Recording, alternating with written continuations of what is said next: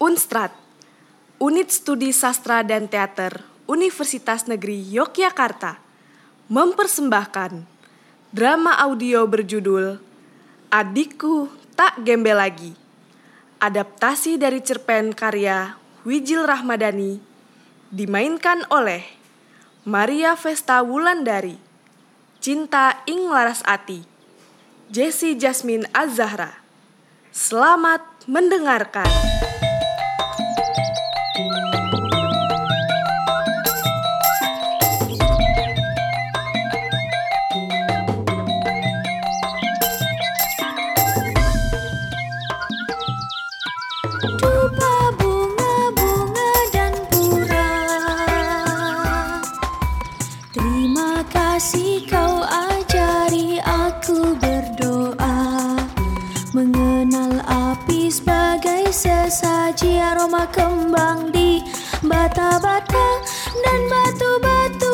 Mencatat nama Tuhan yang terlupa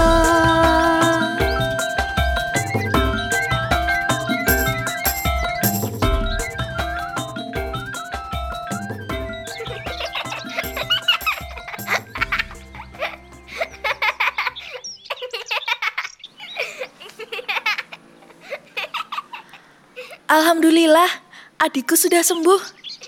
Kini ia sudah bisa tersenyum, bahkan tertawa. Setelah setengah bulan ia sering panas tinggi dan tergolek lemah, ia kembali ceria. Kata ibu bidan, adikku terserang radang tenggorokan. Aku suka sekali menyisir rambut adikku. Adikku memiliki rambut yang indah. Orang-orang banyak memujinya karena rambutnya yang panjang dan lebat. Sebelum sakit, adikku sering minta dikucir dengan gaya yang aneh-aneh, seperti kucir air mancur contohnya. Tetapi sore itu, ketika aku akan merapikan rambut adikku, ia menangis kesakitan, hingga aku tak tega dan menceritakannya ke emak. Mak, rambut adik sulit sekali dirapikan. Ya kamu harus telaten.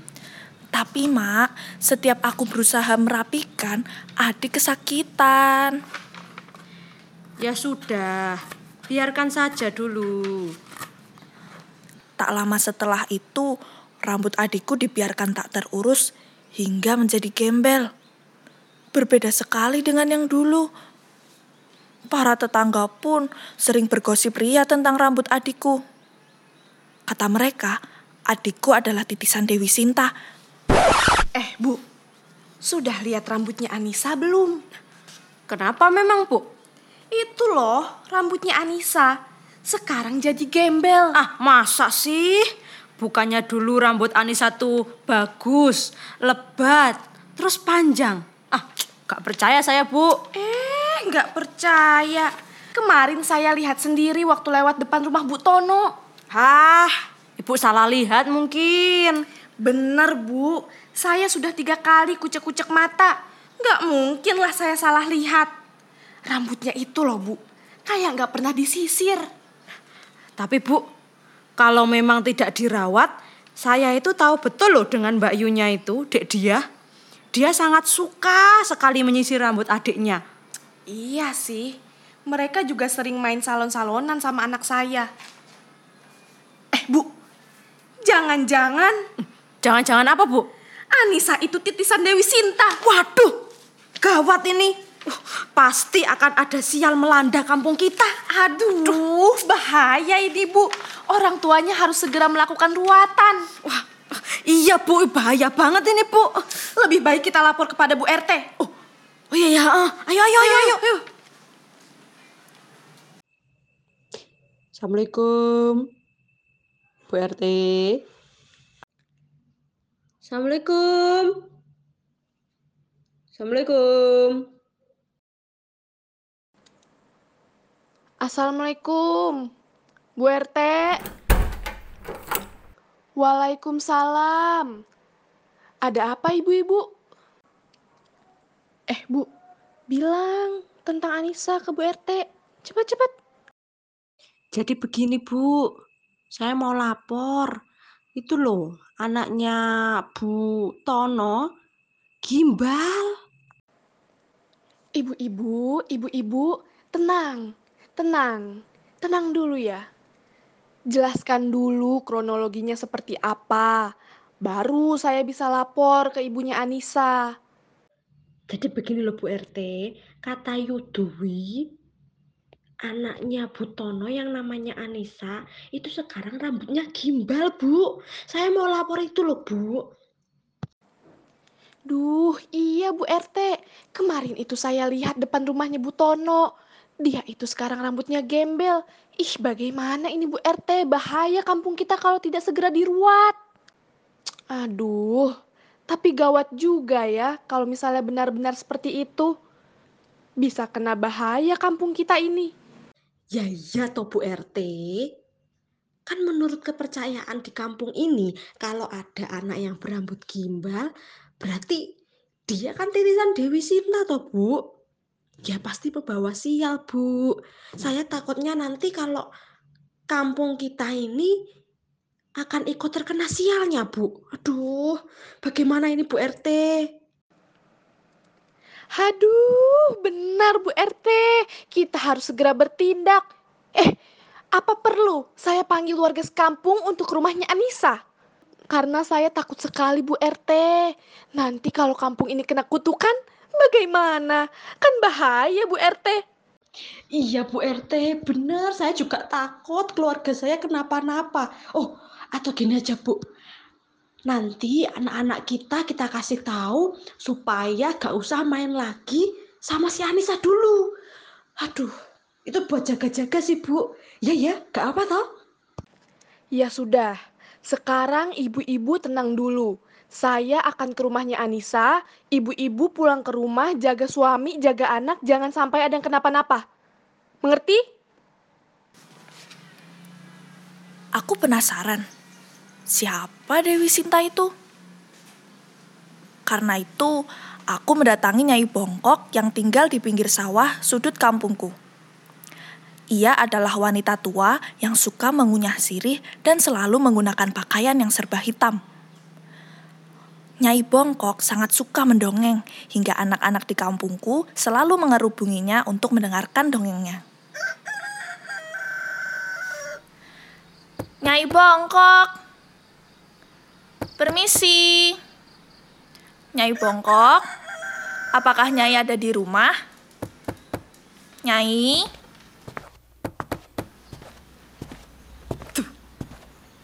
Ya. Silakan masuk. Ada apa, Nduk? Nyai, aku ingin bertanya. Banyak yang bilang adikku itu titisan Dewi Sinta. Padahal yang ku tahu Dewi Sinta itu kan tokoh wayang. Bagaimana itu Nyai? Nyai tahu kan? Oh, itu. Begini, Nduk. Menurut kepercayaan orang dahulu, di Dieng ada seorang putri cantik bernama Dewi Sinta. Ia akan dilamar oleh seorang pangeran yang tampan, baik hati, kaya, dan kuat. Tentu ia sangat senang karena ia akan mendapat suami pria idaman. Ternyata dugaannya meleset. Pangeran itu tidak hanya bermuka buruk, tapi bermuka mirip kijang. Sudah tentu Dewi Sinta menolak. Ia mengatakan mau dipinang asalkan dibuatkan sebuah pemandian indah yang harus dibuat sendiri oleh Pangeran Kijang. Pangeran itu menyanggupi. Tetapi ketika pangeran sedang menggali tanah untuk pemandian, Dewi Sinta bersama pengawalnya menimbun hidup-hidup Pangeran Kijang yang sedang lengah. Karena tak sempat menyelamatkan diri, Pangeran Kijang sebelum meninggal bersumpah, siapa pun keturunan Dewi Sinta, ia akan berambut gembel. Oh, begitu ceritanya. Eh, lalu apa maksudnya, Nyai? Ya, oleh karena itu, orang-orang percaya apabila ada anak yang berambut gembel, berarti ia titisan Dewi Sinta. Dan rambut gembel itu harus dicukur dengan ritual ruatan. Kalau tidak, gembelnya akan terus muncul atau si anak akan sakit-sakitan. Bahkan, banyak yang percaya bencana yang besar akan menimpa masyarakat sekitar. Benarkah cerita itu, Nyai? Mungkinkah adikku menanggung dosa Dewi Sinta? Apakah Nyai juga menganggap bahwa adikku itu keturunan Dewi Sinta? Hmm. Menurut kepercayaan di sini memang begitu. Aku pun pulang ke rumah dengan hati yang masih bertanya-tanya. Sesampainya di rumah, aku langsung bercerita kepada emak tentang cerita Nyai Bongkok tadi. Eh, belum sempat emak menjawab ceritaku, tiba-tiba terdengar salam. Assalamualaikum. Waalaikumsalam. Ada Bu RT. Iya, Dek. Emak ada. Ada Bu, sebentar ya saya panggilkan. Mak, Mak, ada Bu RT. Ada apa Bu RT? Begini, Bu. Maaf sebelumnya. Kedatangan saya ke sini ingin menyampaikan keluh kesah warga sekitar tentang putri ibu itu loh, Bu. Anissa. Warga di sini itu takut apabila terkena hal-hal yang tidak diinginkan warga. Gara-gara gembelnya Anissa itu, Bu. Eh, lebih baik gembelnya Anissa itu segera diruat. Iya Bu RT, saya sudah tahu. Saya juga ingin segera meruat anak saya. Tetapi mau bagaimana lagi, saya tidak ada biaya. Saya ini hanya buruh tani. Dari mana saya bisa mendapat uang untuk biaya ruatan? Bu RT terdiam dan tampak maklum dengan keadaan keluargaku. Setelah itu, Bu RT berpamitan. Ketika sedang bermain dengan adikku, aku teringat pesan emak untuk menanyakan apa keinginan adikku. Kami harus tahu apa yang adikku inginkan sebelum memotong gembelnya. Karena itulah, emak dan bapak belum melakukan ruatan untuk adikku. Hmm, mungkin mereka takut seandainya adik meminta barang-barang yang mahal. Oh iya, emak juga berpesan, aku harus memanggilnya dengan sebutan gembel. Meskipun aku tidak tega memanggilnya dengan sebutan itu, tapi menurut kepercayaan di sini, semua orang tidak boleh bertanya dengan menyebut nama adikku sampai ia diruat. Bel, gembelmu mau dibelikan apa? Hmm, apa ya? Permen. Permen. Mendengar jawaban adikku, aku terdiam dan berpikir. Kalau permintaan adikku hanya permen, kenapa emak dan bapak tidak segera melakukan ruatan? Aku pun bisa membelikan adikku permen dengan uang sakuku. Kemudian aku menyampaikan hal ini kepada emak dan bapak. Mereka terkejut karena ternyata ketika bapak dan emak yang bertanya, jawaban adikku berbeda. Ia meminta sepeda dan baju baru. Hmm, aku jadi semakin bingung. Kemudian emak bilang kepadaku untuk jangan memusingkan. Mungkin raut mukaku sangat nampak bingung. Jadi, emak berkata agar aku tidak terlalu memusingkan hal ini.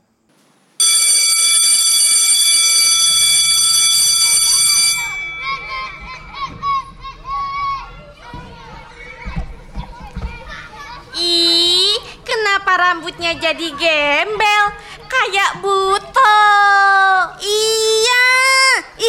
Anissa kayak Puto. Ih, aku ndak mau bermain lagi dengan Anissa. Cici. Eh, kalian jangan dekat-dekat dengan Anissa. Nanti ketularan gembel. Gembel Puto, gembel Puto, gembel Puto.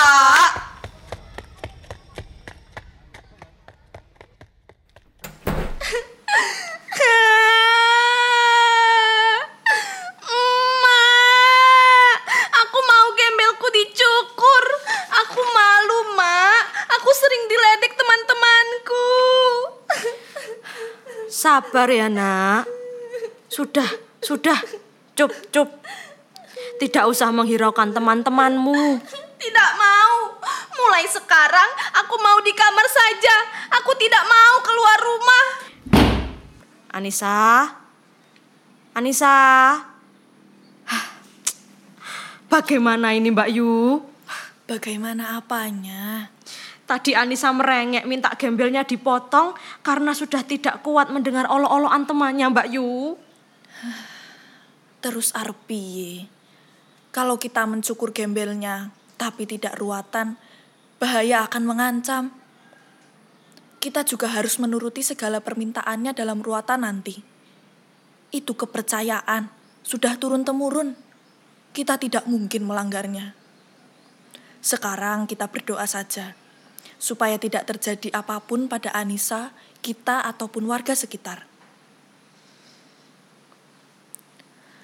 Sejak teman-teman adikku mengoloknya, adikku mogok sekolah dan lebih sering mengurung diri di kamarnya. Hingga suatu ketika...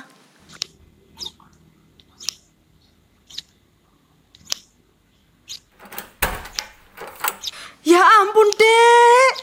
Kenapa gembelnya dicukur sendiri? Adik tidak mau diejek lagi, Mak. Dengan begini, tidak akan ada yang mengejek adik lagi kan, Mak? Bagaimana ini Anissa, Anissa? Duh, duh Gusti. Kita harus segera mengadakan ruatan. Kalau tidak, kita akan terkena bala. Duh, Anissa, Anissa. Emak hanya memeluk adik sambil menangis. Bude segera menenangkan emak. Di wajah Bude juga nampak raut kekhawatiran. Akan tetapi, Bude berusaha menutupinya. Tahun demi tahun pun berlalu. Kini adikku nampak semakin cantik dengan rambut pendeknya. Tetapi, lama-kelamaan, adikku menjadi mirip seperti Nyai Bongkok. Mulai dari muka, postur tubuh, hingga rambutnya.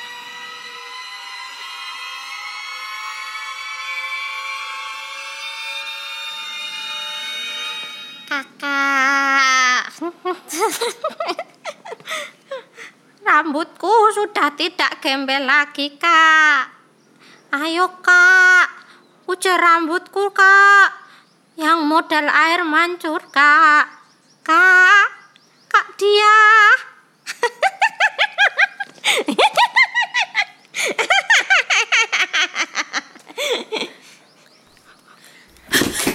Weh, ngimpi apaan lu sampai kejang begitu? Aduh, aduh. Aku mimpi Nyai lagi. Nyai Bongkok itu loh, yang kita ketemu waktu kemah di Dieng. Ah, lu kan kemarin ngambil seikat rambut gimbal dari rumah Nyai itu kan? Hah? Apa hubungannya? Ya berarti Nyai itu minta rambutnya dibalikin. Apaan? Tahayul itu mah. Sekarang gua tanya, udah berapa kali lu dimimpiin sama Nyai-Nyai itu? Eh, berapa ya? Udah sering sih. Ya berarti Nyai itu emang pengen rambutnya dibalikin. Atau jangan-jangan Nyai itu malah ngikutin lu ke sini. Hah? berarti dia ada di sini sekarang. Eh, ih, ih, ah, jangan aku nakutin kamu. Lu tidur sama Nyai-Nyai. Ih, ngada-ngada kamu mah. Ya udah sana balikin rambutnya. Ke mana? Ke Dieng? Ke Papua sono. Ya ke Dieng lah. Ah, nggak usah lah. Jauh-jauh ke Dieng cuma ngebalikin rambut buat apa? Eh, apa ku bakar aja ya? Ya terserah lu sih. Kan elu yang diikutin. Ya udahlah, ku bakar aja rambutnya. Mau ku bakar di mana ya? Tapi lu yakin gak apa-apa? Ntar nyaiknya marah lagi. Ah, nggak mungkin. Aku nggak percaya gituan. Eh, kayaknya ada orang tuh. Coba lihat sana. Bentar gue intip dulu. Eh, tapi kok kayak nenek-nenek?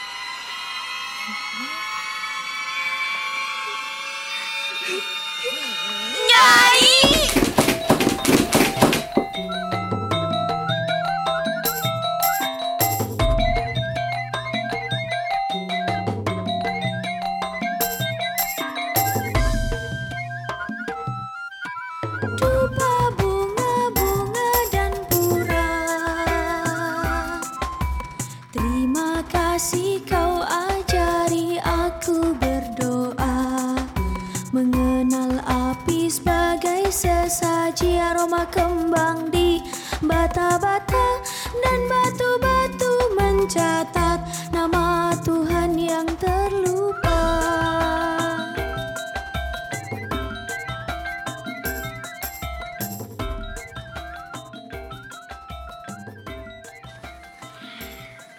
Dok, makanannya udah siap, Dok. Ayo makan, Dok.